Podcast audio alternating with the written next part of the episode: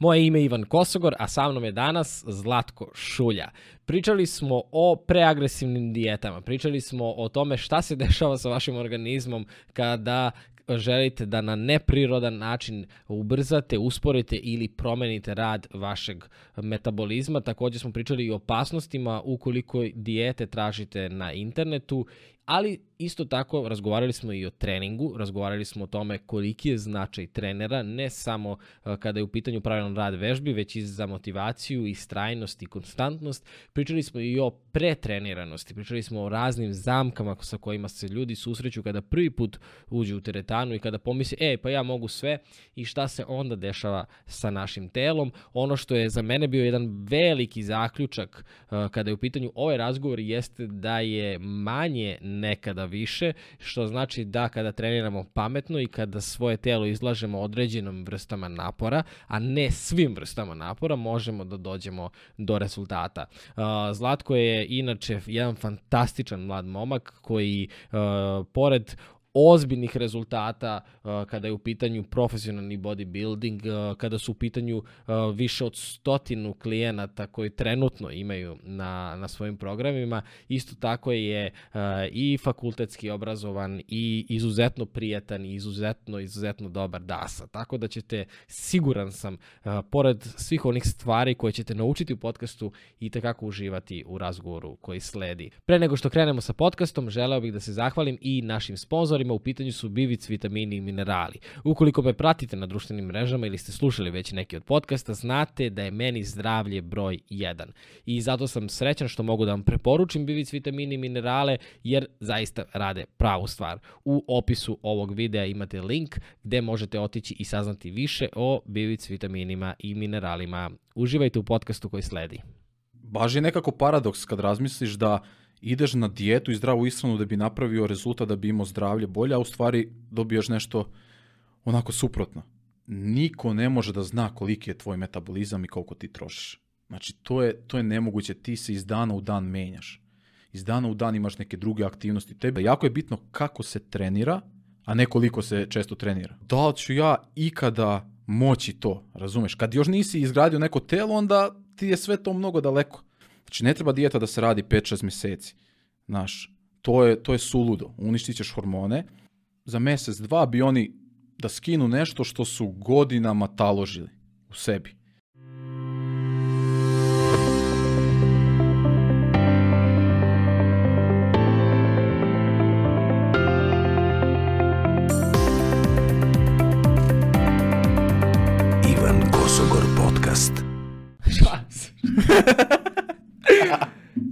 došao zvanično u podcast. E, Teo sam da hvala. da krenemo sa ovim osmehom, zato što kad smo se upoznali, pa na svaka 2-3 minuta smo se smeli konstantno. Da, da, da. da. Na da. uglavnom moje dobre fore. željko Zlatko i to. željko Zlatko stil. Da, da, još sinoć kad, kad, kad vičeš Željko, znaš, ja kao, u, na trenutak me izbacite obojica, tako Aha. da, oj, ovaj, baš se radim da pričam sa Željkom, da pričamo o tebi, tako ćemo sad pričati o Željku nekih 15 minuta. Da, da, da, da, obavezno, obavezno. Ovaj, obavezno. Ove, šalim se stvarno, mnogo sam srećan što si, što si ovde i ovaj, ta neka povezanost između Šulja Brothers i podcasta traje već neko vreme, iako se mi nismo znali, na Instagramu se pratimo, da, da, da, da tu je da. uvek poruka podrške yes. i ovaj, bilo je stvarno pitanje trenutka kada, kada će se desiti, ovaj, dobra je tema, bar mislim da ćemo otići u tom pravcu, ne obećavam, imam razna pitanja. A, da, kao, Ove, kako, ti se, kako ti se čini sada sve ovo? Ej, meni je ovo top, ja kao što sam ti rekao, negde sam imao neku viziju da se pojavim u tvom podcastu katat. I znao sam, znači imao sam uvek tako negde u životu, imam to nešto kao biće. Znaš, i prema 3-4 mjeseca sam baš Željku rekao, kad smo krenuli intenzivno da pratimo sve podcastove, stvarno moram da pohvalim goste ovaj, koji ti dolaze i to sve to je stvarno fenomenalno, može puno da se nauči i, ovaj, i negde sam mu rekao, rekao kako smo dobrim smerom krenuli, kako se ovo razvijamo, kad tad će nas neko od ovakvih ljudi primetiti i doćemo na red, što bi se reklo, jer smatram da imamo zaista korisnih stvari da ovaj kažemo i da negde naučimo nešto, ovaj neke ljude iz našeg iskustva nekog i u radu s ljudima. Tako da, eto, tu smo sada i baš mi je drago. Da, super i dobrodošao u ekipu, to sam teo da ti kažem sve e, dok sad hvala. pričaš. Bolje dobrodošao. vas sve našao. Da, da, da, da, da. pa da, znaš da. kako, kad je cijela priča krenula, stvarno moja ideja sa ovim je bila da, da dobro isfiltriram ljude. Da. E, svi pričaju, naš mala smo sredina, mala smo država, ali mm. postoji, e, ono što si sad rekao mi je jako zanimljivo, to kao doći ćemo na red. Mislim da to nije zapravo kao da je da je sada neki ogroman red, nego prosto ti ne možeš uvek da znaš za sve te kvalitetne ljude koji imaju šta da ispričaju. Znaš, mislim, ti si 96. Mm. godište, ono, da. sinoć sam baš razmišljao kao koliko ste i ti i Željko izvanredni momci i hvala, koliko hvala. ste postigli za, znaš, kao, ono, 25 godina čoveče. Ti si balkanski šampion u bodybuildingu, Znaš kao, ajmo na trenutak dešao? da pričamo o tome, znaš, svidelo mi se malo pre si rekao imaš viziju i sada evo, dešava se taj trenutak, ali ti si mnoge druge svoje vizije ostvario pre ovoga. Da, pa, pa možemo i sa tim da krenemo, onako dosta je zanimljiva priča i onako možda i motivišuća i poučna, ovaj, pa negde 2015. sam ja krenuo da se takmičim u bodybuildingu Znači, mene to negde od 2010. 11. krenuo da zanima. Znači, teretana, dobar izgled i tako dalje. Više išlo iz onih, onih klinačkih, znaš, ono, vidiš stripove, vidiš junake i sad mi muškarci hoćemo da budemo negde kao, ajde, nabildovani i tako dalje. Ovaj, tako da ja od srednje škole sam krenuo ovaj, ozbiljno sa treninzima. I video sam te prve napretke neke, ovaj, u teretani koji su bili dosta bolji od svih nekih mojih drugara što su tu trenirali s nama i tako dalje. I ono, sećam se u toj teretani gde sam išao u Zrenjaninu, tamo sam srednju školu završavao, bio jedan plakat onako bildera jednog. Naš, i ono kao gledam ga i kao, nerealno mi je da čovječ ono, gleda kako izgleda, da li ću ja ikada moći to, razumeš? Kad još nisi izgradio neko telo, onda ti je sve to mnogo daleko, znaš. I ovaj, baš sam se negde divio i, i kao da sam video nekako iz sebe tamo. Znaš, to ja kažem, ta neka vizualizacija. Ja sam ovaj, e, video sebe na toj bini, ja sam video sebe da dišem taj pehar, da tako izgledam. Znači, to je negde nevjerovatan osjećaj. I krenuo sam, e, prvo takmičenje sam odradio 2015. kao junior. I tu su bila takmiča 2016. 17. I ni, ni jedne godine nisam uzeo prvo mesto ovaj, ni jedne godine, znači 2015. 16. 17. sve drugo mesto, treće mesto i tako dalje. 2019. sam rekao to je to, sad ću da se spremim onako brutalno i nema da me neko, ni dono da sudije su ovo, niti, znači nema ništa, ja ću biti bolji za duplo i uzet ću to prvo mesto. I tako se i desilo. 2019. sam od tri takmičenja uzeo pet zlatnih medalja, Od toga je posljednje bilo i ovo najznačajnije, a to je to Balkansko prvenstvo. Koliko vas ima na tom Balkanskom prvenstvu kada se takmičite? Pa zavisi, to su puno kategorija, znaš. Ovaj, ne sjećam se koliko je tačno bilo tu momaka. A ne koliko je prošlo se. vremena od kad si to gledao na tom plakatu do podizanja pehara? Koliko godina? Pa prošlo je 5 godina. 5-6 godina, da. A pre toga sam ja jedno 3-4 godine već trenirao. Znači, ukupno je do sada, to je 10 godina negde treniranja, ali ozbiljnog, znaš, onako ovaj, od početka. Tako da to je negde ta priča što se tiče sporta. Međutim, ovaj, ja sam tu i faks ovaj, gruvo između ostalog, pored svega toga. Negde mi je bio čak faks i prioritet naspram bodybuildinga. Bodybuilding je bio više kao hobi sa strane koji mi je vozio i koji mi je dao tu disciplinu da kidam na svim ostalim sferama. Znaš, jer ja, ja sam na faksu, to to nisu mogli studenti ovaj, kolege da, da veruju da ja nosim svoje obroke, činije, či ja meni pola torbe za faks su obroci. Pa i sad je bilo u rancu neka hrana kad pa si da, došao. Da, da, da, da, znači to je i negde. uvek je voda pored mene, uvek se pije voda i tako dalje. Ovaj, e, tako da su se ljudi čudili da sam ja ono, na faksu da nosim sve te činijice i tako da kao ko je ovaj ima veću ruku nabildovan i kao sad ovo ono a između ostalog ima i sve desetke. Da, znači ja sam bio student koji je šurio, što se kaže, laički onako. Znači baš sam bio posvećen tome i bilo je ono kao, znači iskidaću ovo, da li iz nekog inata ili čega, mene je to vozilo. Znači ja sam u tom nekom klinačkom periodu hteo da budem najbolji. I, Bože zdravlje, meni je to donelo danas ovaj posao koji radim i sve to šta se dešava ovaj, u mom životu. Ovaj, tako da, pored faksa, i treniranja sam imao ozbiljne rezultate i na jednom i na drugom polju. Ovaj, I stvarno ta posvećenost i disciplina izgrađena, ja je pripisujem sportu. Znaš, gde ti moraš da tempiraš svoje obroke, e, gde nema ono kad izlaziš negde nosiš hranu sa sobom, nećeš da jedeš junk food sa strane i tako dalje. Znači organizacija je bila tu ključ. I to sam posle ovaj preslikao na sve ostale sfere. Naš. Da, da, tako to i bude. Ja da. sam ono, u nekoliko navrata ovde baš u podcastu pričao o mom, mom kolegi sa faksa. Meni nekako uvek bilo čudno da to kažem kolega, kao mi smo svi drugari, znaš. O, ovaj, o Mršulji koji je u prvom timu Partizana i koji ima sve desetke na fakultetu, a igra rukomet.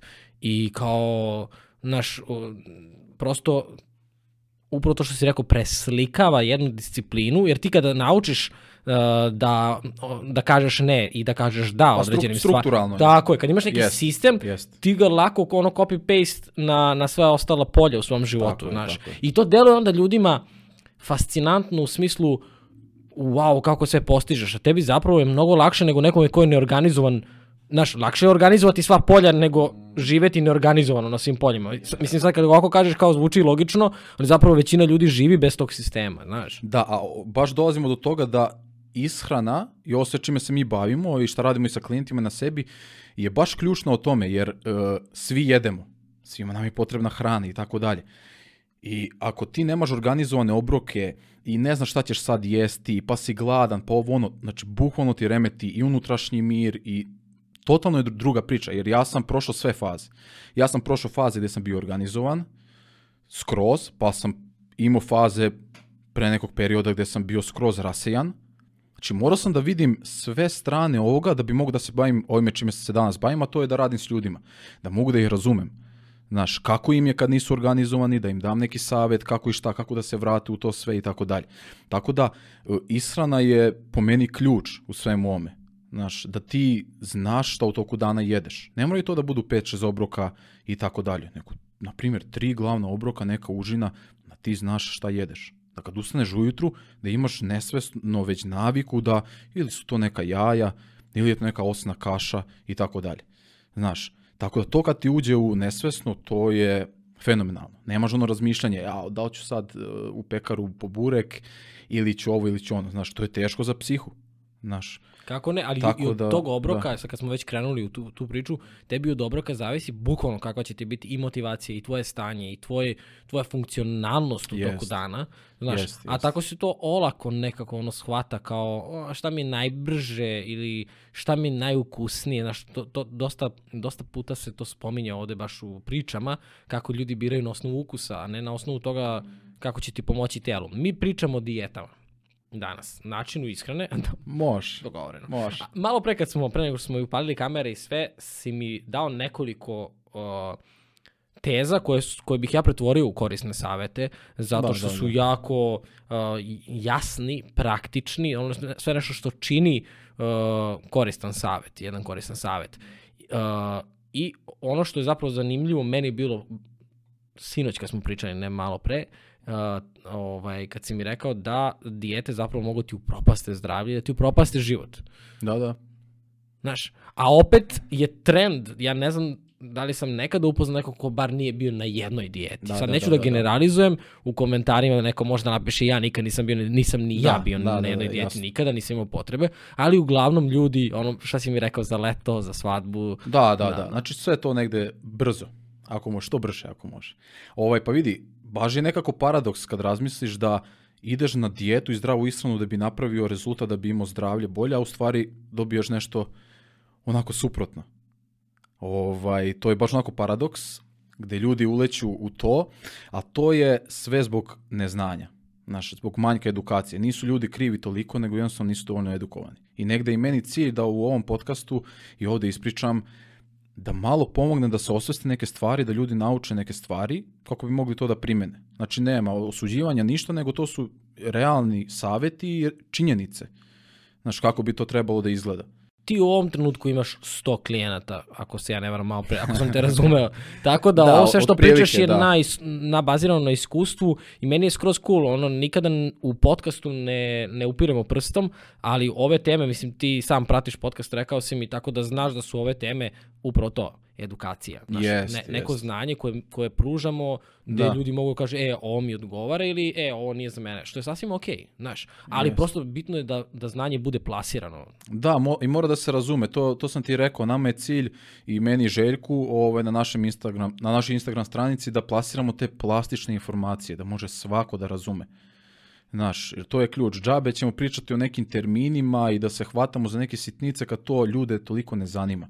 Bar nama je cilj, e, nama i ciljna grupa i ljudi koji, s kojima mi radimo, to su rekreativci, to su ljudi koji žele da poboljšaju svoje zdravlje, da se bolje osjećaju, znači rade neke poslove, nemaju puno vremena baš toliko sada i da jedu 6-7 puta dnevno i tako dalje.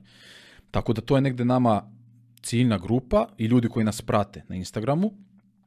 Ovaj, Tako da, što se tiče tih, ja bih ih nazvao agresivne dijete. Ovaj, možemo krenuti od toga. Tu ima dosta toga da se priča gde se greši, a to je upravo ovo što se rekao, brz način života, znači treba svadba neka, e, ide se na more i tako dalje. E sad, šta se tu dešava? Dešava se to da ljudi, jel te, hoće to brzo sve da odrade i za mesec, dva bi oni da skinu nešto što su godinama taložili u sebi. Razumeš? I stvarno kad realno staviš to ovako, znači, pitaš sebe, čoče, godinama sam se hranio ovako, ovako i onako. Dobio sam 10-20 viška kilograma. I da li je realno da ja sad tražim magičnu pilu za mesec, dva da, da sve to ovaj, naš sredim? Pa i ne može baš. Znaš, i ovaj, nama se često ljudi javljaju ovaj, baš s ovim nekim problemima, to ti ono. Jedem malo, a ne mršavim. Znači, već sam oborio kalorije, ne znam, jedem hiljadu kalorija, što je jako malo, a ne mršavim.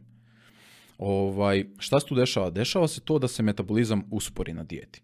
Znači, mi kad krenemo dijetu, oborimo kalorije i metabolizam, to je telo teži adaptaciji. Razumeš? ovaj, telo teže da se adaptira na taj nivo kalorija i tako dalje.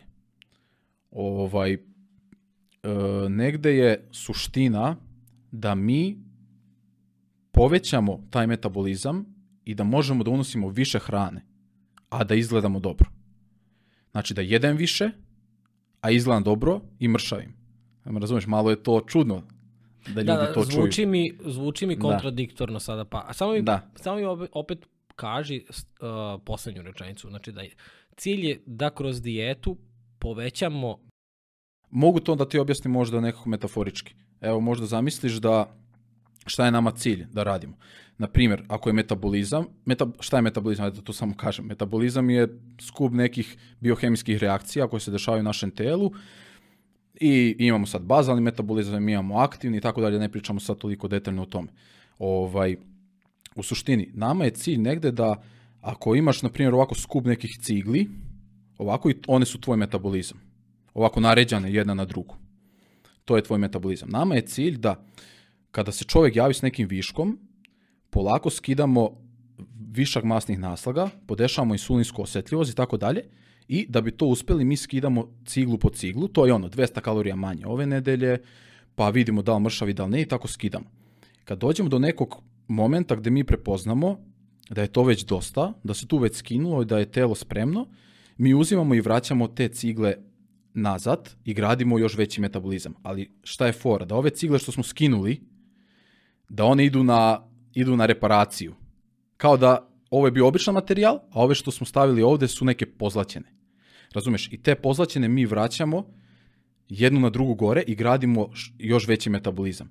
A šta je poenta? Da te pozlaćene su zapravo bolje zdravlje, veće samopouzdanje, navike, disciplina. Znači to je proces. Znači gde ti izgradiš to sve. To radimo s klijentima i to je zaista jedna, jedna super priča, znači da se izbegne to sve. Znači ne treba dijeta da se radi 5-6 meseci. Znaš, to je, to je suludo. Uništit ćeš hormone, nego je potrebno da se zna jedan period da se radi pa da se malo vrate kalorije, da se izradi metabolizam, pa onda neko održavanje pa da se opet spuštaju kalorije i tako dalje i tako dalje. Znaš, tako da tu negde ljudi greš i tu se vrte u krug. To je ona povezano zapravo sa tim kratkoročnim rezultatom. Hoću da izgledam lepo na levkad 10 dana, ali me ne da. interesuje da. šta će se desiti u mom organizmu. Sad si spomenuo hormone, pa bih ti malo tu samo zadržao vezano šta se dešava u, u celom tom procesu, kako stradaju hormoni. Pa znaš kako, ako ti oboriš nisko kalorije, u suštini, kad radiš dijetu i kada već, kad si već pustio dovoljno nisko kalorije, tu se javlja disbalans u hormonima u većini slučajeva. Znači ne može to baš nešto da se izbegne ako se stvarno radi neka restriktivna dijeta. Znači to je neminovno. Imamo tiroidnu žlezdu, imamo polne hormone. Znači ako ne jedemo dovoljno zdravih masti, ako ne jedemo kvalitetne ugljene hidrate u dovoljnoj meri, to sve pada. Razumeš? Jer na primjer iz masti, iz holesterola se, se sintetišu naši polni hormoni.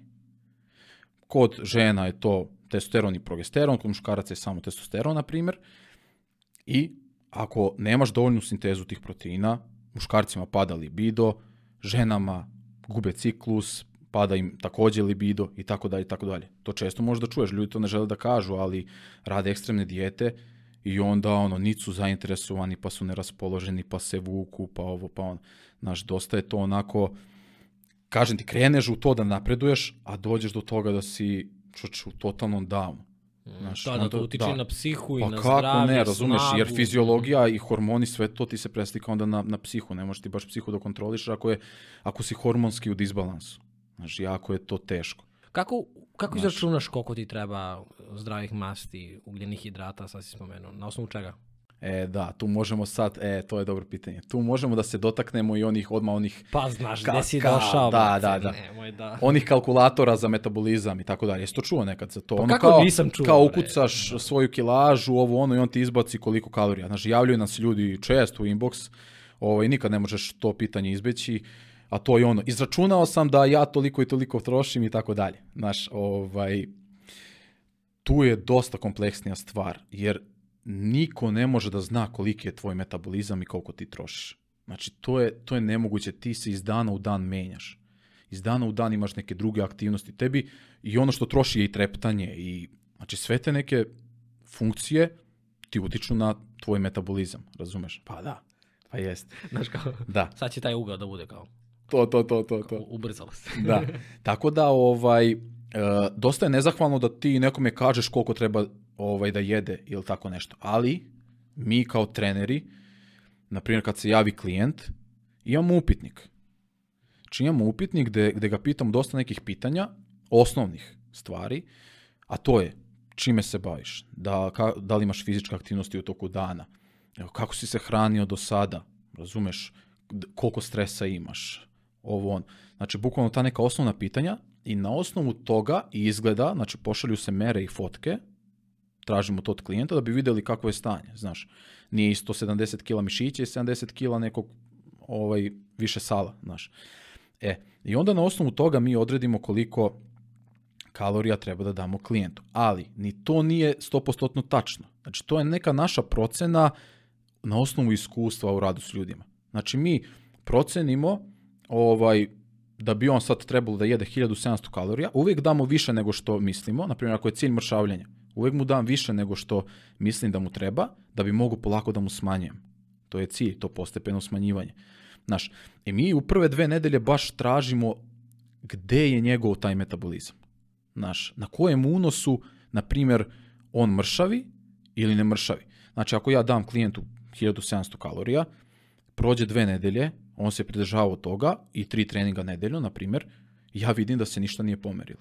Znači ni centimetar, ni vaga, ni ništa. Aha, to mi je znak da on na 1700 kalorija održava. Znači da je to njegov negde metabolizam i da treba da spustimo kalorije ako hoćemo da mršavi. I ja mu spustim za 200-300 kalorija dole, obično iz ugljenih hidrata i pratimo dalje. Prođe dve nedelje, opet mere, opa, santimetar dole, 2 kg dole, znači tu smo. I onda ne diramo. Razumeš? Pustimo da ide još nedelju dve. Znaš, jer gde se ljudi zeznu? Spuste kalorije, imaju rezultat i onda umesto da ostave tako, oni još dole. I još dole, još dole, ti dođeš do nekih 1000 kalorija. Ja sam vidio ljude po 800 kalorija jede. 800 kalorija ti je potrebno samo za neko normalno funkcionisanje tela. A gde je trening, a gde je potrošnja, razumeš? I tu imamo taj disbalans. Znaš, tako da jako je to kompleksno, ljudi to negde ne shvataju, meni je jako krivo i zato se mi trudimo da negde edukujemo o svemu tome. Imamo live-ove, imamo Q&A-ove, uvek nešto pričamo o tome da, da se skrene pažnja na to. Znači imamo ovo s jedne strane i imamo uh, dijeti iz časopisa. Si mi rekao to malo pre, mhm, jesi? Mm -hmm. Dijeti iz časopisa. Ovaj, nekako sada kad pričaš, stvarno je komplikovana situacija i mnogo je lakše uzeti naš neki model dijete i kao primeniti, pa ako mi da rezultate. Zato je ono veliki broj ljudi ti kaže verovatno probao sam sve dijete. Znaš, da, da. kao zato što očigledno da to ne radi, očigledno da to ovo što si sad upravo rekao, može da te odvede u jednom potpuno kontrasmeru, da te ošteti mnogo više nego što bi donelo bilo kakvog koristi, znaš. Uh, agresivne dijete, ajde da se vratimo na to. Uh, pretpostavljam da je tri nedelje striktno jedeš određenu vrstu hrane koja šokira tvoje telo, do tada nisi jeo maltene nikada i niti si razmišljao na taj način. Uh, šta, se još, šta se još dešava tu? Pa, dešava se još to da uh, kada se naglo nekome stavi nova ishrana, znači neko ko je jeo dva obroka dnevno ili je jeo šta je stigo, tako dalje, ti mu sad uzmeš i staviš mu pet obroka onako pet obroka gde su ono meso, pirinač, jaja, sir, čovječe, on će izdržati dve nedelje. I to će da ode i, i reći će, vidi, znači ako ja ovo treba da radim, da bi bio zdrav i tako dalje, nema šanse. To se stvarno dešava. To su reči ljudi, ja sad bukvalno izgovaram reči nekih klijenata koji su se javljali i tako dalje, koji smo morali da peglamo, da ih ispravljamo i da im stvarno menjamo uverenja. Znaš, da ovo zaista ne mora da bude toliko komplikovano i teško. Evo, mi se negde izdvajamo od većine trenera i tako dalje baš s ovim pristupom. Iako smo, e, imamo tu raznolikost u ishrani. imamo taj, taj e-book, na primjer, to smo ti spominjali sa receptima i tako dalje, fokusirali smo se na to da smo shvatili da je ljudima najveći problem ta ishrana. I ovaj, kako da mi uspemo ljudima da da objasnimo da to ne mora da se jede samo meso i pirinač, da tu ima mnogo drugih nekih recepata, ukusnih, začina i tako dalje i tako dalje. I onda smo mi napravili da kad se klijent kod nas javi, u planu ishrane, na primjer za doručak, dobije 10 različitih recepata koje možda primeni taj dan. Znači mi izračunamo sve kalorije, kažemo ovoliko, ne znam, ovoliko jaja, ovoliko sira, ovoliko onoga, ti samo po uputstvu napraviš i to je to. Jedan dan ti se jede jedno, drugi dan ti se jede nešto drugo, tamo neka osna, osna kaša i whey protein ili tako nešto, jedeš to. I ljudima to mnogo više prija. I baš nam se često sad u posljednje vreme javljaju da dolaze od nekih drugih trenera u smislu ja ne mogu, ja nisam takmičar. Znaš, negde su, negde su ostali treneri zaglavljeni u tome da da mora da se napreduje samo na tim striktnim namirnicama, znaš, suvo belo meso, kilogram dnevno i to sam čuo. Razumeš za neke rekreativce, ljude bre normalne koji, znaš, to je po meni suludo, ali bio sam i ja u tom fazonu ranije. Znaš, a kad sam usvestio neke stvari, kad sam malo probao da razumem uh, stvarno rekreativce, ljude koji ne žele da se takmiče i tako dalje, moraš da se prešaltaš malo u taj sistem i onda shvatiš da njima mnogo više odgovara da, da imaju te izbore i tako dalje. Čak su i rekreativci malo, mislim, ono, možeš i njih podeliti na aktivne, sezonske, uh, one početnike, znaš ono što počinje na svaka tri meseca, radi da, da, dve, da, tri da, da. nedelje da. i onda, mislim, prosto, to je onaj značaj trenera o kom smo ti ja pričali isto, mm -hmm. isto pre mm -hmm. nego što, i pričat ćemo u nastavku mnogo više, ali zato što stvarno, čak i rekreativci imaju određene, određene kategorije za, za ishranu. Koja je druga stvar što se tiče dijete, podsjeti me? Nešto pa šta si mi rekao... smo pričali, e, da, pričali smo o previše treninga, da, kako može i previše, i, znači preagresivno sa kalorijama, isto tako i previše treninga može isto da utiče negativno na sam napredak i zdravlje. Znaš, ima, javi nam se, ne znam, neko hoće sad da sarađuje s nama i sad popuni, popuni upitnik i kaže mm, ja vežbam svaki dan, po dva sata. Znaš, ono, i pogledam njegove slike, pogledam ovo što je napisao, ne ide mi jedno uz drugo. Sad izvini što da te prekidam. Uh, mi smo bukvalno sinoć pričali o tome. Uh, Ema trenira bukvalno, pa svaki dan. Hm? Pet dana nedeljno i bukvalno smo pričali o tome, ono, spremali smo se da, da te pitamo upravo to, koja, koji je tvoj stav prema tome, znaš, jer postoje škole, po znacima navoda, koje kažu tri puta nedeljno, mm -hmm. koje kažu dovoljno vam je dva puta nedeljno, ili da, tri da. treninga u teretani, tri treninga trčanja, ili bicikla, šta god. Uh, Znaš, a opet imaš i programe koji su, ono, sedam dana nedeljno treninga. Mm -hmm. mm, Da, pa vidi, dosta zavisi od samog staža i utreniranosti osobe. Znaš, dosta od toga zavisi. Znaš, neko koji je ozbiljniji u treningu, on može da ide 5-6 puta nedeljno. On već zna kako šta, zna da podesi sebi volumen treninga, intenzitet i tako dalje. A neko ko počinje, ko je tu godinu, dve u teretani ili tako nešto, on ide svaki dan, nakrca gomilu vežbi u trening. To su neke napredne tehnike koje još uvek u tom periodu nisu potrebne njemu. Znaš, to ti ono kao hoćeš, nije više uvek bolje, e to uvijek govorimo. Znači više nije uvek bolje radi pametnije. Razumeš? Čak i to za disciplinu jako važno. Jer ljudi obično misle da moraš da imaš disciplinu uh, da istraješ. Ti zapravo mm. moraš da imaš disciplinu i da sebe ukočiš, da kažeš, Tako ej, je. Da, ne da. idem pet koraka više nego što mi je potrebno u mom telu sada, da bih, da, da bih da, da, nap, ako bismo podelili, mm -hmm. sada ono, metafora opet, taj, ti si malo pre cigle, ja ću sad malo, malo faze, ali stvarno ako podeliš po nekim fazama, ti ako, ako duže praviš tu neku osnovu da ćeš trenirati, možda imaš utisak kao sad ću da, da pokidam, sad ću da, da odradim jak trening, ali ako radiš taj trening, malo pre si rekao, pametnije, i ako, ako izgradiš tu neku fondaciju, taj neki temelj, ti ćeš kasnije mnogo imati bolje rezultate nego da se preforsiraš padneš, ne može da treniraš 3 meseca zbog neke povrede koja kasnije bude ko zna šta. Me razumeš kao... Da, da, da, pa jest. I dosaditi. Realno kraći vremenski period, veći intenzitet dosaditi. Takvi smo. Znaš, takvi smo. Jave su otpori, neću ovo više. Znaš, ne radi ovo sa mnom. Pa koje telo voli da, da ga ti njakaš pola dana svaki dan? Pa ne može to da potraje. Znaš, i to je negde nama cilj, da dugoročno uspemo klijente da, da dignemo na taj neki viši nivo. Znači da, meni je cilj da, ne znam, posle godinu dana saradnje sa klijentom, kad ga vidim na ulici, da se on nije vratio na ono stanje kad smo krenuli. Eto, to je moj cilj, to je negde da ja od srca to želim. Razumeš da ja kad vidim tog čoveka negde, da on bude takav još bolji nego kad smo završili saradnju. Razumeš? A ne da ga vidim da je dobio, skino 10 kila sa mnom, a 15 kila posle dobio. Znači nije mi to cilj. Naš. Tako da, ovaj, a kad smo kod, kod treninga bi mogli još tu da, ovaj, da taj deo obradimo.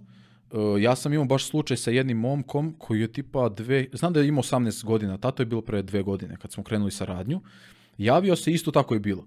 Treniram svaki dan po dva sata, usput idem trčim, ne znam koliko kilometara i tako dalje i tako dalje, pijem dve, tri guarane dnevno, džabu, jo, 18 godina, pogledam slike, čovječe, ovo nešto nije u redu. Razumeš, ako ovaj dečko je otišao u crvenu zonu, jedan kroz jedan. Znaš, ja sam to na, na Instagram imamo transformaciju tog momka i celu prepisku, ovaj, tako da može to da se nađe na našem profilu, uh, jer je jako zanimljiva i poušna priča. Ja sam mu odmah rekao, znači vidi, uh, ovo ovako ne može da ide. Znači ti se meni javio da se ti dobiješ mišićnu masu tako dalje, ali mi moramo jedan fundamentalan problem da rešimo. Razumeš ti, ja pretpostavljam da si hormonski u disbalansu. I da mu ja da odradi ovaj hormonalni nalaz i odradi on testosteron i tako neke stvari za koje sam ja sumnjao i tačno testosteron ispod donje granice. Momak od 18 godina gde to treba sada bude negde pojačano i tako dalje. Odmah se to vidi po telu, razumeš i uporediš koliko treninga svega i izgled ne, ne ide jedno s drugim, znaš, kao da nije to to. I ovaj, ja kad sam to sve video, rekao sam mu, rekao, slušaj, znači mi sad možemo sarađivati ja bih voleo, zato što kad, kad bi bio ja u tim tvojim godinama, ja bih voleo da neko meni pomogne kako treba. Rekao, mi sad ne možemo da gruvamo da se ti nešto nabildeš, nego moram da rešimo taj problem. Taj prvi odakle kreće, znači uzrok. Da rešimo i to ćemo da kao domina samo da padne. Znači domino efekt da ubijamo. I tako smo i krenuli. Ja sam mu smanjio lupom na tri treninga nedeljno, smanjio sam mu vežbe, sve to Istranu sam pojačao sa zdravim mastima i tako dalje, tu sam, tu sam kombinovao nešto i posle par meseci vadio nalaze sve u redu. Ja rekao, e, rekao sad možemo. Sad možemo da idemo dalje. Ono što si imao taj neki cilj, ali bez toga bi samo zakopavali sebe. Ja bi uzao novac, ali ne, znao bi da ne radim pravu stvar. Razumeš? Tako da ovaj to je bio baš jedan super primer, taj momak dan danas zahvalan i zadovoljan i čujemo se i tako dalje i tako dalje. Jako mlad, a otišao u crvenu zonu. Znaš, to je dosta nezgodno. posle napraviš probleme dalje kroz život, znaš, nije, nije baš sve jedno. Ajde pričam i o tim nivoima. Malo pre si rekao da neko trenira na mnogo većem nivou mm -hmm. nego mhm. što je njegovo telo, njegovi hormoni, sve što treba da bude je na mnogo nižem nivou. Koji bi to neki bio prvi nivo ako neko sad sluša, znači nikad nije otišao u mhm, mhm. teretanu, šta, šta je neki početnički deo, ajde da tako kažem. Da, pa pre svega, baš početnik ko nikad nije ušao u teretanu, ja bih savjetovao da nekog lokalnog trenera mora da ima u teretani. Znaš, jednostavno mora. To je ona priča, sećam se Željko bio na skijanju sad, ovaj, i nikad nije skijao do sad. I kao, zna on da tamo ima neki instruktor, ali sad će on sam da proba, naš, par dana. Prva dva dana, kaže, izlomio se, došao bre modrice, sve plavo kući. I onda je uzeo instruktora, mislim, skraćeno sad pričam, onda je uzeo instruktora i on ga za dan, dva, naučio sve to, platio i vozi dalje. Razumeš, tako da isto i ovde. Mora baš početnik bi trebalo da ima nekog u sebe. Da li to bio iskusni neki drugar koji već zna da trenira ili je to lokalni trener u teretani ili personalni trener, nešto od toga mora da postoji. To su početnici. Njima je dovoljno 2-3 treninga nedeljno. Znači 2-3 treninga, osnovne vežbe, osnovne stvari, ovaj, njima je to sasvim ok. Negde na prednji malo nivo bi bio, eto za godinu dana na primjer, posle toga, 3-4 treninga nedeljno razumeš, u teretani. Isto osnovne vežbe, možda malo negde naprednija tehnika neka da se ubaci, ali suština je uglavnom uvek ista. Znaš, od osnovne, osnovne vežbe i pored dodaš malo neke stvarčice, zavisno na kom si nivou. I sad možemo dalje da idemo za jedno dve godine, ovaj, kako napreduješ ako si konstantan, već možeš da pređeš na primjer na četiri puta nedeljno, do pet, ali to je upit, pitanje da li ti treba pet treninga. Sad ste da pitam, jel ima potrebe neko ko je rekreativac da, da radi pet treninga? I da li su ti, tih pet treninga intenzivni ili, znaš, koji je, ko je tvoj stav prema da, da. tome? Da. Pa, evo, na primjer, kod nas na mentorstvu koliko ljudi radimo i koliko smo radili, malo ko je trenirao pet puta. Znaš, malo ko je trenirao pet puta. Smatramo da ako efikasno odradiš vežbe koje imaš u planu, ako imaš dobar plan, Znači, pre svega mora da bude dobar plan. Mora da se zna šta se radi, mora da se prati progresija iz treninga u trening. Kad ti imaš sve to dobro, isplanirano, kada odrediš taj trening kako treba, znači ne da dođeš u teretanu i da ti imaš četiri serije po 10, a ti onih 10 ponavljanja samo odradiš ovako, nije ti bilo ni teško, ni lako, nešto srednje, vratiš nazad i to je to. Tu nema napretka, tu nema stimulacije, ne može da dođe do adaptacije nove i tako dalje. Tako da, jako je bitno kako se trenira. Znaš, moraš, jednostavno ideš, hoćeš da napreduješ, moraš nekad da zapneš. Moraš nekad da probiješ i svoju granicu i tako dalje. Naravno, ne da se naruši forma izvođenja, nego da ti bude nekad i teško. Razumeš, tako da jako je bitno kako se trenira, a ne koliko se često trenira. Ja sam me uhvatio sad. Znači, da, da, ja da. mogu da idem sedam puta da mlataram, a mogu za četiri treninga nedeljno efikasno da odradim sve. I smatram da više od četiri treninga malo kome treba. I ja kad sam se spremao za takmičenje sam imao pet treninga nedeljno s tegovima. Znači, a pazi, tu se ozbiljno radi. Skroz je drugačiji koncept, pet treninga. Znači nisam ni ja trenirao svaki dan. Što bi morao neki rekreativa za trenira 7 puta. Znaš, ne trebam. Ne trebam. Bolje to vreme izdvoji za nešto drugo, a odradi trening 3-4 puta nedeljno po sat, sad i po. I to je to. Znači kvalitet to je naš preko stav. kvantiteta. Pa jeste, jeste. Pre da. kvantiteta zapravo. Da. Znaš, ovaj, to je jako bitno to, to je meni, meni ključ. Jer ima ljudi koji, sada da ne ulazimo puno u tu neku psihologiju, ljudi prepeglavaju neke stvari treningom. I onda ide na trening samo da bi tamo peglo, ono, samo da pobegne, samo da, da, da razumeš, bez, da, da izbaci da. i tako. I to je okej. Okay. I to je okej, okay. ja sam to radio. To meri je to okej. Okay. Znaš, jer... Pa znaš kako? da, zavisi koliko je čovek spreman da radi na sebi i tako dalje. Ja se sećam mojih perioda kad sam baš imao taj mindset kad sam se takmičio, kad sam bio student i tako dalje, nisam lični razvoj ništa radio, kao što sada radim. I onda u tom trenutku mi je bilo, znaš, ono kao ja uđem u teretanu i zaboravim na sve probleme i tako dalje i tako dalje. Sad kad razmislim, to je malo potiskivanje ispod tepiha, znaš, ali u tom periodu meni to bilo super ali to ti budi neku vrstu znaš, zavisnosti, znaš. Pa I jest. onda, mislim, ko, šta je zavisnost? Zavisnost je zapravo skretanje misli. Ti kada ideš da se napiješ, idem da se napijem da zaboravim probleme. Ti kada se drogiraš, jest, drogiraš jest. se da bi otišao negde dalje od realnosti. Jest, jest, Teretana je bukvalno, evo ti si sad opisao tvojim da, rečima, da, da, da. Ako, ako ide u tu... Uh, ako značaj, ako prvi značaj nije zdravlje, ako je prvi mm. značaj treninga to, da izbacim mm -hmm. bes, da izbacim nervozu, nerviraju me na poslu, samo ovde sam, znaš, to je op, to, mislim to je opasno za hemiju u telu koja se dešava pa, naravno, a kamoli naravno. kamoli tek za gomilu drugih stvari. Jeste, dosta tu stvari je malo iskrivljeno onda. Znaš, ali kažem ti meni u tom jednom periodu života ja sam tako razmišljao. Nisam znao za bolje i drugačije. Znaš, ovaj bilo mi je to odem na trening, ispalim sve što imam i to je to. Znaš, što kaže, zaborim na sve probleme u teretani. I to je okej okay nekad. Znaš, ali da ti budeš svestan i svojih problema, onda onih. I da radiš na njima. Ne da bežeš u teretanu samo zbog toga. To je onda zavisnost. To što si rekao i to nije baš, nije baš dobro. Ja se sećam, imao sam personalne kad sam radio, sad radimo samo online. Znači imamo online sistem, radimo preko naše aplikacije s klijentima i to je to. A kad sam radio personalne ranije u teretani, baš sam imao jednog momka koji je dolazio i ovaj, koji je bio tačno to, znači ta zavisnost od teretane i ja mu kažem četiri treninga radimo nedeljno i on stalno, a mogu ja da dođem Joža, ja bi još dva treninga, ja ću, ja ću da odradim tamo u mojoj teretani kao još, ovaj, još jedan trening ću ja da dodam ovo ono. I džabe sam mu ja pričao, nije to palilo, razumeš, zato što on je pokolno kod ko droga, on mora da ode na taj trening. Znaš, pa ne znam šta će sa sobom. Jest, da. jest, tako da malo je to ono, zbog čega ideš, šta i kako. Znaš, negde mi to i učimo klijente, znaš, da osveste, da, da idu čoče, da, da budu zdravi, znaš, da se bolje osjećaju, znaš, rekreacija, da se rekreiraš, da, da energiju stvoriš novu, a ne da s treninga ideš popišan kući i tako dalje i tako dalje. To je ono što mi se mnogo svidalo kad smo pričali prvi put, kad smo se videli, jer ste mi i ti i Željko pričali upravo taj, taj tu povezanost koja, koja je neminovna između uma i tela, pogotovo kada telo izlažeš određenim naporima i želiš da se razvijaš, koliko je važno da zapravo naš um prati a, telo. I ima ona super iz, izre, izreka kako za svaki minut u teretani potroši dva minuta za razvoj uma.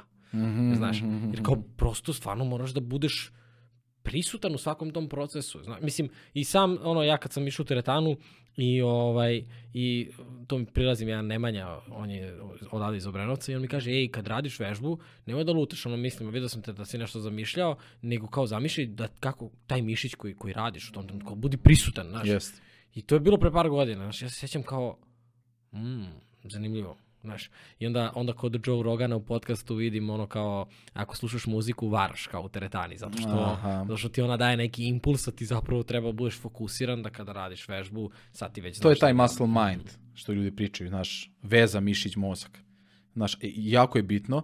Evo, na primjer, ja, ja imam ovaj, jedan problem, rećemo da sa tim što ja smatram problemom sam izgradio i karijeru i uspo i po svojoj medalji i tako dalje izgradio telo koje sam želeo, a to je da da ja se iznad pet ponavljanja, kad radim seriju, zabrojim. Ja ne znam. Ja ne zaboravim da brojim. Znači sad imam, ne znam, 12 ponavljanja da odradim, I ja toliko bacim fokus na, ovaj, na to što radim, to što si ti pričao, znači ne o to im mis, nego znači kako to stiskam, kako ovo, da ja, u učer, koliko sam odradio. Pazi, kad je to već 10 godina svaki trening, da ja sebe zapitam to, koliko sam odradio? ali već intuitivno ja znam koliko mi treba. Već, znaš, ja ne moram ni da brojim sad ponavljanja, meni je to već negde... Jesi naučio da slušaš Ješ, svoje telo? Pa da, pa kako ne. Pričaj mi o tome. E, pa to je sad, to je sad jako zanimljiva stvar.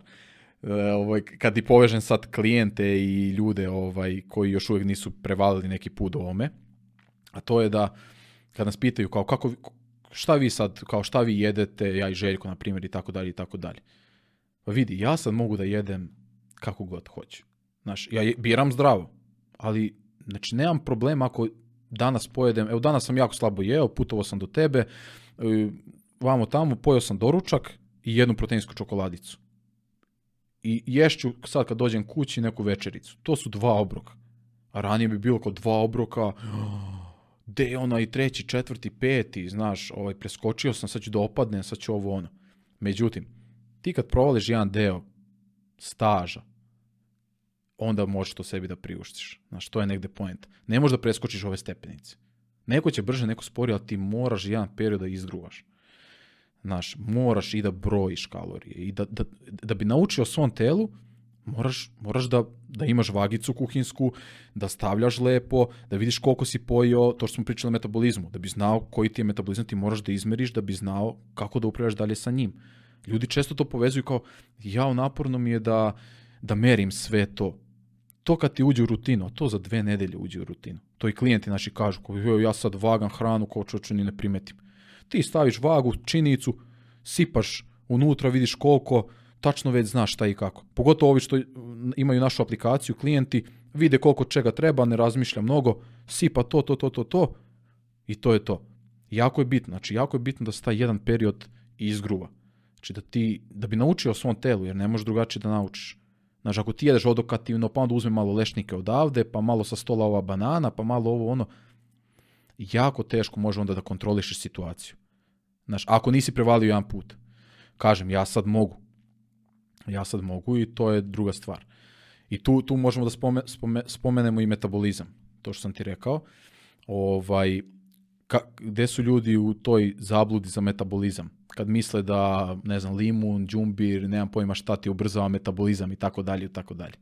Ovaj, ja sam jedan od tih, aha, brate. Super, super, da, sad, ću ti objasniti. Da, da, da, pa Mislim, ne, to je moje mišljenje pazi, stav sad. ovo su za mene jako korisni razgovori, da, ja se ovde da, ne da. pravim da sve znam, da, znaš. Da, da. Ali, recimo, samo za limun moram ono da ti kažem, jer zdravo ujutru, jedan zdravo ujutru kao detoks. Da, da, jedan period sam baš to koristio, ovaj, čak so možeš da dodaš malo. Hoću izgledati da. tako ili... Da, da, da, da okay. Obavezno. Znači da nastavim obavezno. sa limunom. Znači, ja, limun, ja sad tri limuna iscedim bez voda. vode, bez vode, kao. samo ovako usta, da, da. Šalim se, ali stvarno pijem svako jutro ono, ne, pola, odlično, pola odlično. limuna mi je odlično. kao... Znači za probavu i tako da za, za digestiju i to sve. To je sve okej, okay, ali ljudi se često uhvate da kao, aha, pročitaju neke članke na internetu koji su zanimljivi, kao pet načina da ubrzaš metabolizam, a nigde ne piše konkretan način kako se stvarno ubrzava metabolizam. Metabolizam se ubrzava najviše sa težinskim treningom. Ne znam da, da si ikada o tome razmišljao. Ovaj, kao što smo pričali, znači to je skup bio, meha, biohemijskih reakcija i tako dalje. Imamo taj bazalni, to je u stanju mirovanja. Znači to su organi, znači koliko troši jetra, pankreas i tako dalje i tako dalje, samim tim i mišići. E sad, šta je for? Da ti kad imaš pravilnu ishranu, koja je bogata makronutrijentima, proteinima, ugljenih hidratima, mastima, i kad imaš dobar težinski trening, ti kako dobijaš mišićnu masu i kako napreduješ, tebi se tako ubrzava i metabolizam. Što više mišića imaš, više kalorija trošiš. Ja ti sad to zvuči logičnije. Zašto? Zato što da bi, da bi naše telo izgradilo bolje mišiće, tu je jako puno procesa u pitanju. Znači, prvo da hraniš mišić. Znači, kvalitetna hrana, treba da oporaviš ta pokidana mišićna vlakna, tu ide potrošnja, tu ide energija.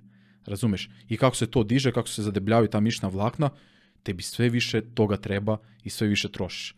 E, zato ja, na primjer, sad ne imam ne, neku solidnu mišićnu masu i zato ja mogu sebi da priuštim. Mogu da ne treniram nedelju dan. Mogu da odradim, evo, ove nedelje sam odradio samo dva treninga. Šta bi se desilo kad ne bi trenirao Znaš, pet nedelja? Pa ništa drastično. Razumeš? Zato što imaš dobru fondaciju yes. ili šta? Pa jeste, temelj. Znaš, to ti je kao kuća. Kad imaš dobar temelj, lako staviš krov. Razumeš? Ja sad, kad sam bio već u nekim formama, ja lako stavim krov. Zovem par majstora, bam, bam, ali dok se iskopa temelj, dok se spra napravi ovo, ono, naš, treba više vremena. Naš, tako da, ovaj, što se tiče metabolizma, ključ je da radimo stvarno težinski trening, da bi mogli da povećamo stopu mišićne mase, samim tim ćemo više trošiti u stanju mirovanja i tako dalje. Znači ti si jedan od onih likova desi Zlatko kuća. Aha, desi Zlatko kuća, da. Uvek mi je to neka metafora Kućo, za ovaj... Da, da. da. Ovaj, ne, dobra je, dobra Od priča. toga mhm. kreći, mislim, da. Pričali smo, pomenuo si dijete, pomenuo si plan, pomenuo si preopterećenost treningom, pomenuli smo psihologiju tokom treniranja. Šta je još važno? Ovaj razgovor je, mislim, kad smo pričali, hteo sam da idemo, to je, hteli smo da idemo u pravcu dijeta, ali ovaj, prosto mislim da, da, da su jako važne ove osnovne stvari. Znaš, mhm. i da je... Mm, mm, kao pravi razliku u smislu uh, ja sam ti mnogo sad poverovao u sve ovo. Znaš, zato što čak i ono, ti mi kažeš nešto što mi je kontradiktorno i onda mi samo u jednom trenutku polako prelazi ah, a, sad znaš, ima smisla. Jer ti kad vidiš, da. mislim ono, kad razmišljaš o teretani, ti vidiš proces dizanja tegova Znaš, i, mm -hmm. i mhm. jasno je, nije, nije nova informacija da treba da imaš dobru ishranu, da, da treba da budeš da, da. redovan. Pa to, to svi negde znaju. To, to nije problem da. u informaciji, da, problem da, je da. u razumevanju povezanosti svih tih informacija plus gomila procesa koje, koje ti ne vidiš. Znaš, evo sad za, ovo, za metabolizam fantastična izjava. Znaš, mislim, prosto ima smisla. Da, da, da. I to, to je jako bitno, znaš, da ljudi, na primer, imaš ljude koji rade dijetu i ne bavaju se nikakvom fizičkom aktivnošću. Znači, to je, to je smrt. Ti ćeš, ti ćeš smršati. Objasni mi to. Da, na primjer, smršat ćeš, sad, ne radiš trening, radiš neku ekstremnu dijetu, smršat ćeš, ali šta će ostati?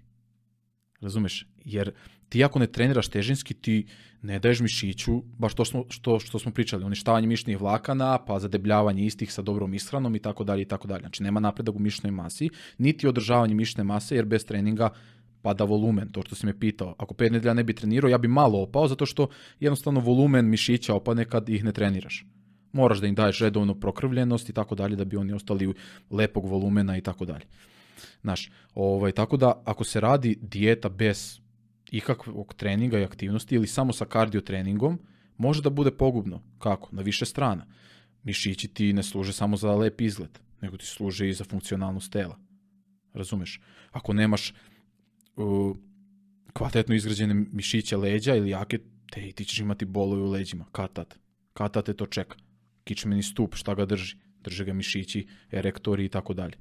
Znaš, ako ti ne treniraš, ako ti nemaš te aktivnosti, znaš, šta će da se desi. Mislim, to je moj stav i moje razmišljanje neko, Dobro, ljudi Ovo... Ovaj. nauče da žive sa tim bolom, znaš. Koliko imaš ljudi koji imaju hroničan bol za koji su u fazonu, pa ja, ja tako već pet godina. Mhm.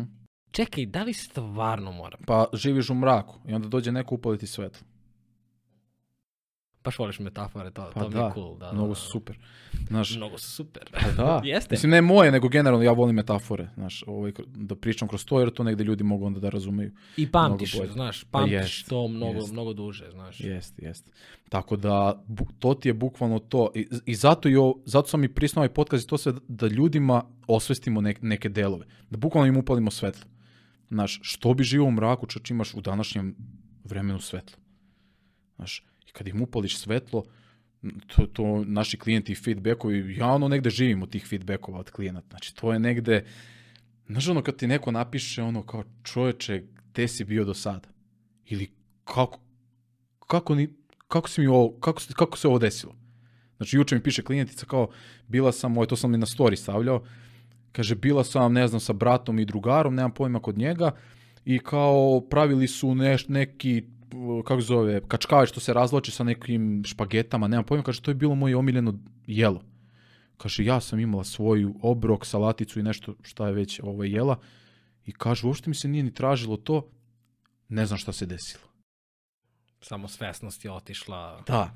da Ti kad da. osvestiš šta tebi donosi zdrav način ishrane i trening. Ali ako je stvarno kvalitetno osmišljeno, ako nije to sa interneta, da vidiš od nekog, pa probaš pa nije za tebe. Pa naravno da je teško kad nije za tebe.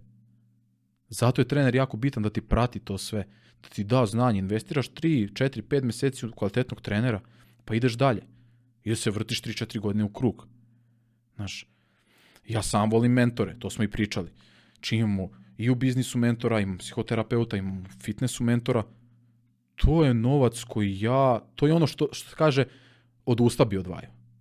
Znaš, jer to je nešto što mene puni i što mi ne preskače stepenice, nego jednostavno što bi morao da prolazim kroz neke greške, ako je to neko već rešio. Znači, neko je stručni u tome, već je to rešio, ima iskustvo, daj da uzmem od njega to, da ga modelujem i da, i da idem svojim putem. Znaš, tako da meni je to uvek fascinantno kad neko pita tako nešto i ono kao, čoveče, pa ako nemam financija, radio bi neki posao sad vremena dnevno dodatno, samo za to, a kad znam benefite ljudi često ne znaju benefite. Da, kada, pa kada znaš kada zašto, osetiš, nađeš način čoveče. Osetiš, da. znaš, naćeš trenera koji ti prija. Nećeš da ga pustiš. Pa nama klijenti uplaćuju tri meseca unapred. Jer mi smo ograničeni sa mestima, to sam ti pričao. Ne radimo sa puno ljudi jer hoćemo da se posvetimo kako treba i tako dalje i tako dalje. I onda imaš ono kao, ljudi, kaže, ja vam plaćujem još tri meseca, tri meseca unapred, bukvalno. Kaže, samo da ja sačuvam svoje mesto to je to kad nađeš nekog ko ti stvarno odgovara i da vidiš te rezultate. Naš, tako da, da... Kad smo objavili da snimamo, meni je stiglo par poruka, odmah na, na odgovor Aha. na story. Jao, moji treneri, jao, jedno Aha. čekam, ja, daš. Tako da, da, da, da, već sam tu video da ste, A mnogo da ste su dobri. Da, da, da. da, mnogo su dobri. Mi imamo baš dobar odnos sa njima. Znaš, negde, kako bi ja volao da se prema meni neko ophodi, tako bi volao da i ja radim s nekim, znaš, da nekom budem trener. Ja sam do sada imao stvarno kvalitetne trenere i mentore, ko, od kojih sam mnogo učio i ovo što sada radim, baš sam im zahvalan jer su oni negde ovaj, mene takvog napravili, ajmo tako reći. Znaš, to je uvek dobitna da. kombinacija. Pa znaš, jest. Taj, da. taj stav kakav se ti, kako bi ti volao da se ljudi ponašaju prema tebi, ti se ponašaj, nije uvek lako to uraditi, mm -hmm. ali opet te sad bih te vratio na onu disciplinu mm -hmm. i na kroz šta si sve ti prošao, da ti zapravo to jedini logičan sistem koji biraš za sebe, znaš, jer mm -hmm. uh, disciplina se bira svaki dan. Svako jutro kada pa, da. ustaneš da. ti biraš da li ćeš mm -hmm šta ćeš uraditi, znaš, ljudi često nisu svesni onda kao, ja, pa to je moja loša navika to je tvoja loša odluka svakog dana. Mm -hmm. Znaš, koja je naravno da je propraćena i ishranom, i hormonima, i da, da. E, okruženjem u kom si, gomilom drugih faktora i elemenata, ali na kraju dana si stvarno ti pristao na to i ti dao zeleno svetlo sebi da doneseš tu lošu odluku ili da se ponašaš na način na koji se ponašaš, znaš. Iako je možda mm. ušlo Um, ti si rekao taj izraz ušlo u nesvesno, nisam to dugo koristio, to sam a... u, knjigama uglavnom nailazio, da, da. pa mi je zvu, zvučno bilo kad si, kad aha, si izgovorio, aha, aha. ali iako je to ušlo u tu neku rutinu i naviku i dalje si ti taj koji svakog dana bira to, znaš. Da li je to da, da ću poneti obrok sa sobom mm. kad idem na, kod nekog ili na, u školu ili je to što ću da jedem junk food, to je isto tako, to su, znaš, ono, dva smera ti svaki dan biraš. I lepa stvar je zapravo što ti možeš svako, već danas ili sutra da doneseš drugu odluku, znaš, to je, to je ključ cele ove priče, ja mislim. Jest, slažem sa tobom, tu je jedino problem što imamo ta neka naša uverenja, te neke navike loše koje su integrisane, od kojih se treba razvezati, znaš, ovaj, jer uvek u toku nek, te promene neke se jave otpori, hoće da te vrati nazad, to si sigurno osetio nekim sferama života kad si nešto krenuo da radiš, pa ono, ja sad mi se ne radi, sad ne bi, onda to za dve nedelje prođe sve. Bude taj šok, euforija i o, ne radi mi se to više. Razumiješ? E sad, da bi došlo promene, to što negdje smo mi provalili kod ljudi, mora baš velika frustracija da se desi kod ljudi. Znači, mora neki ključan moment da se desi da neko želi da, da krene dobrim putem. Da, na primjer, reši viška i tako dalje, koji mu smeta. Ili će to biti zdravstveni problem, što je, što je po meni malo žalosno zato što moraš da dovedeš sebe u to stanje da bi shvatio da imaš, da treba to da radiš. Znaš, a šta da radimo, negde je to tako u većini slučajeva. Pa hajde, trudimo se da to malo promenimo. Ovaj, znači, kad se desi neko zdravstveno stanje, kad odeš kod doktora i vidiš da imaš insulinsku rezistenciju, da imaš, da ti je štitna žlezda usporena i tako dalje i tako dalje, onda kao, jo, šta sad da radim? I onda panika i to je taj ključni moment, na primjer. Ili možda bude ključni moment pogledaš sliku sa neke svadbe ili nečega, a u, ti kaže ovaj šlav što kaže nisam imao ovo pre godinu dana. I malo po malo imam ko ovo ne može ovako. I onda ide ključni moment i bam. E, samo tu treba uhvatiti čoveka, baš dok je u toj, tom šoku i sve to, da, da ga ti još više ne ubiješ sa, sa tom strogom isranom i tako dalje nego baš, baš to polako, dajemo raznolikost, dajemo puno recepata, dajemo i junk food da ima. Znaš, jedno, dva po nedeljno, naši klijenti imaju uvek. Znači, jedno, dva po nedeljno, ako ti se jede neki obrok, samo ga zameni. Ako ti se jede palačinka, pojedi je. Znaš. Proteinsku palačinku? Ili? Proteinski imaju u svojim receptima, A, ovaj, skoro dobro. svi. Da, imamo zaista zanimljive recepte tu. To je, Šta si jeo danas? A, u stvari ne, danas nije, nije reprezentativan da, pa, dan. pa reći ću ovaj... Zato što si rekao da si samo da. doručko, ajde, na primjer, šta si jeo juče. Da, to, evo, to, evo za danas ću ti baš reći. Ovaj... Nemoj, kaži mi se, šalim. Aha, da. ovaj, uh, šta je bila, kako sam danas razmišljao kad sam ustao? Obično jedem uvek jaja, neki sir, nešto suho mesnato i tako dalje. Uglavnom sto proteini i masti. Koliko jaja? Uh, pa četiri do pet pojedem. Eto, to je meni negde tako. četiri komada mi je taman do pet. E sad, danas sam razmišljao u, ovaj, u fazonu da znam da neću jesti duži vremenski period, ponao sam proteinsku čokoladicu, ali ćemo ovde pričati i to sve, rekao neću ovaj, da se opterećujem i pojao sam malo kalor, kalorični obrok. Znači dodao sam, tipa imao sam makarone neke, stavio sam njih na tiganj, zalio sam sa jajima, sve sam to spremio, znači imam ugljene hidrate, imam proteine, imam masti, dodao sam sir neki nemasni, ja sam se najeo ko car i to je to. Razumeš? Tako da sam prilagodio sebi, sebi sebe situaciji.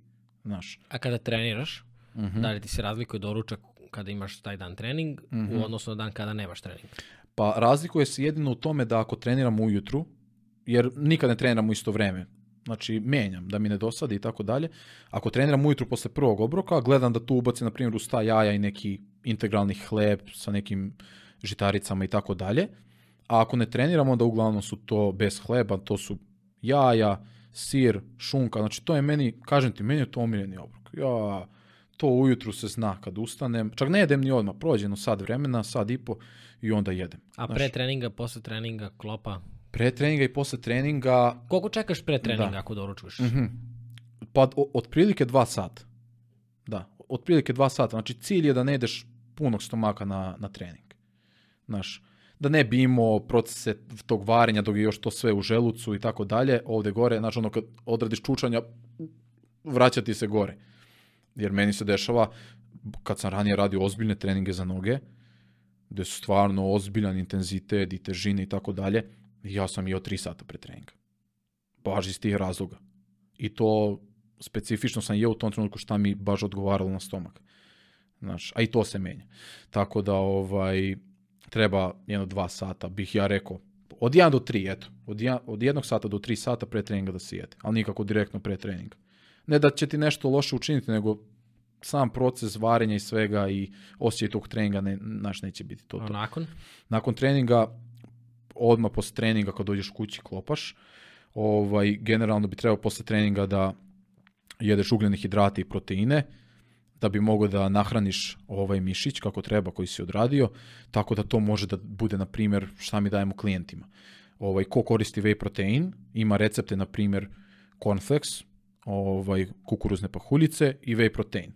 Cornflakes je visokog glikemijskog indeksa, znači brže ulazi u krvotok, brže će nahraniti taj mišić, whey protein sa njim kad uleti, aminokiselina, to sve odradi kako treba.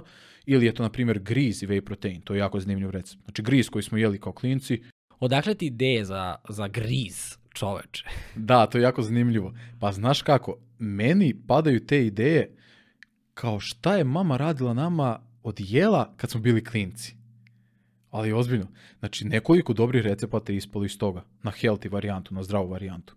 Ovo je, na primjer, taj griz, sećam se da smo jeli griz i kakao se stavljao, kakao se stavlja ili crna čokolada, baš smo mi tako, rastopili kao jeli smo to. Ja razmišljam, znači gris, ugljeni hidrati, super namirnica, što da ne, šta mogu mesto kakao i to sve da stavim, da ima i proteina, mogu whey protein. Znaš, stavim whey protein, smutim, dodam neko voće, čoče ovo Znaš, i izbacim to na Instagram od jednom gomilu ljudi oduševljenih sa time. Znaš, na primjer, bilo je za one ledene kocke, to nam je recept koji je baš izgrmeo. A meni je došla ideja tako kao šta mogu da pravim sada, bio sam na dijeti nekoj, rekao da nema puno kalorija, da je osvežavajuće i ono, da bude zdravo. I razmišljam, ako mama je pravila one neke ledene vanila kocke, vanila kocka, nešto mi je tu bilo u glavi, neki taj kolač koji sam imao kao klinac, ček, kako da ja to napravim, nešto želatin tu ide, nemam pojma. I ja isto smućkam ovaj protein, smućkam ovo, želatin, dodam tu, tu, tu, tu je, ispane recept brutalan, znači ljudi su poludeli s tim receptom, izašao nekim novinama, nemam pojma i tako dalje i tako dalje. Tako da negde su mi ideje od mamine kuhinje. Ništa, onda sledeći Znaš, put bez uh, ledenih kocki nema da. dolaziti. Da, samo da se ne znači, otope, to... ne može leti. A, da, da, da, okay, može u neki okay, frižider okay. ću ovaj, Onaj... poneti, da. Onaj... Neću da te cijam za frižider, Čeka, čekam te u januaru ovde. E, I e. onda, eto, Obraz. sada imaš i svedoke. To je, imam svjedoke. da, da, da. da. To, to, to, to. Spominješ uh, tokom razgovora dosta Instagram i uh, celu priču vašu. Uh, gde ljudi mogu da vas pronađu? Linkovi će biti, naravno, sve ispod, ali samo mi ti ispričaj prosto da imaju i... Da, uglavnom smo na Instagramu. Na Instagramu šuljebrothers.fitness, to će imati link dole.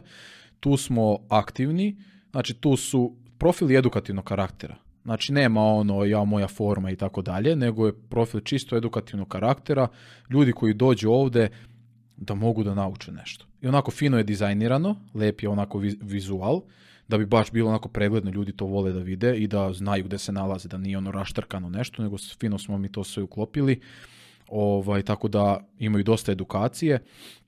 I bukvalno savjetujem ko želi da krene da radi na sebi što se tiče treninga i tako dalje, neka zaprati nekoliko profila na Instagramu koji rade ovo što mi radimo i neka bukvalno prelistaju ceo profil. Uzmi svaki dan po sad vremena izlistaj nečiji profil. Kome veruješ? Znači, ne sad ono da, ne znam, bilo koji profil uzmeš i to je to, nego neko, kao mi, i snimamo se ovako lično i pričamo nešto samim tim, možda stekneš poverenje o čoveku da zna šta priča. Znači nije neki robot iza koji stavlja postove sa interneta. Znaš, može svako to da radi danas. Nego stvarno s nekim kome poveruješ i ko ima rezultate, na primjer, od klijenata. Mi redovno kačemo testimonijale od ljudi šta nam pišu, kako su zadovoljni i čovek odmah proceni čo čo ovi ljudi znaju i sad ću da ih pratim da, da mogu ja da napredujem. Tako da, eto, to je moj neki savjet, da se zaprate ovaj, tako neki profili i da se prelistava od početka uh, ovaj, šta oni pišu, jer ima zaista korisnih informacija. Mi to nekad nismo imali. Ja sam po forumima učio i tako nekim stvarima, ali u današnjem vreme sve Vaš imaš. profil stvarno jeste edukativan i to je bio moj utisak, ono kao što sam rekao na početku, pratili smo se i onda sam stvarno imao utisak da se poznajemo. Kada smo se upoznali, stvarno moj utisak je bio kako su izvanredni momci i bilo mi jako drago, znaš, što mi ovaj posao omogućava zapravo um, ovakva poznanstva i prijateljstva, ali ovaj, nakon sada ovog podcasta, uh, upravo što si rekao, baš imam poverenje u stvari. Nekako si mi rekao te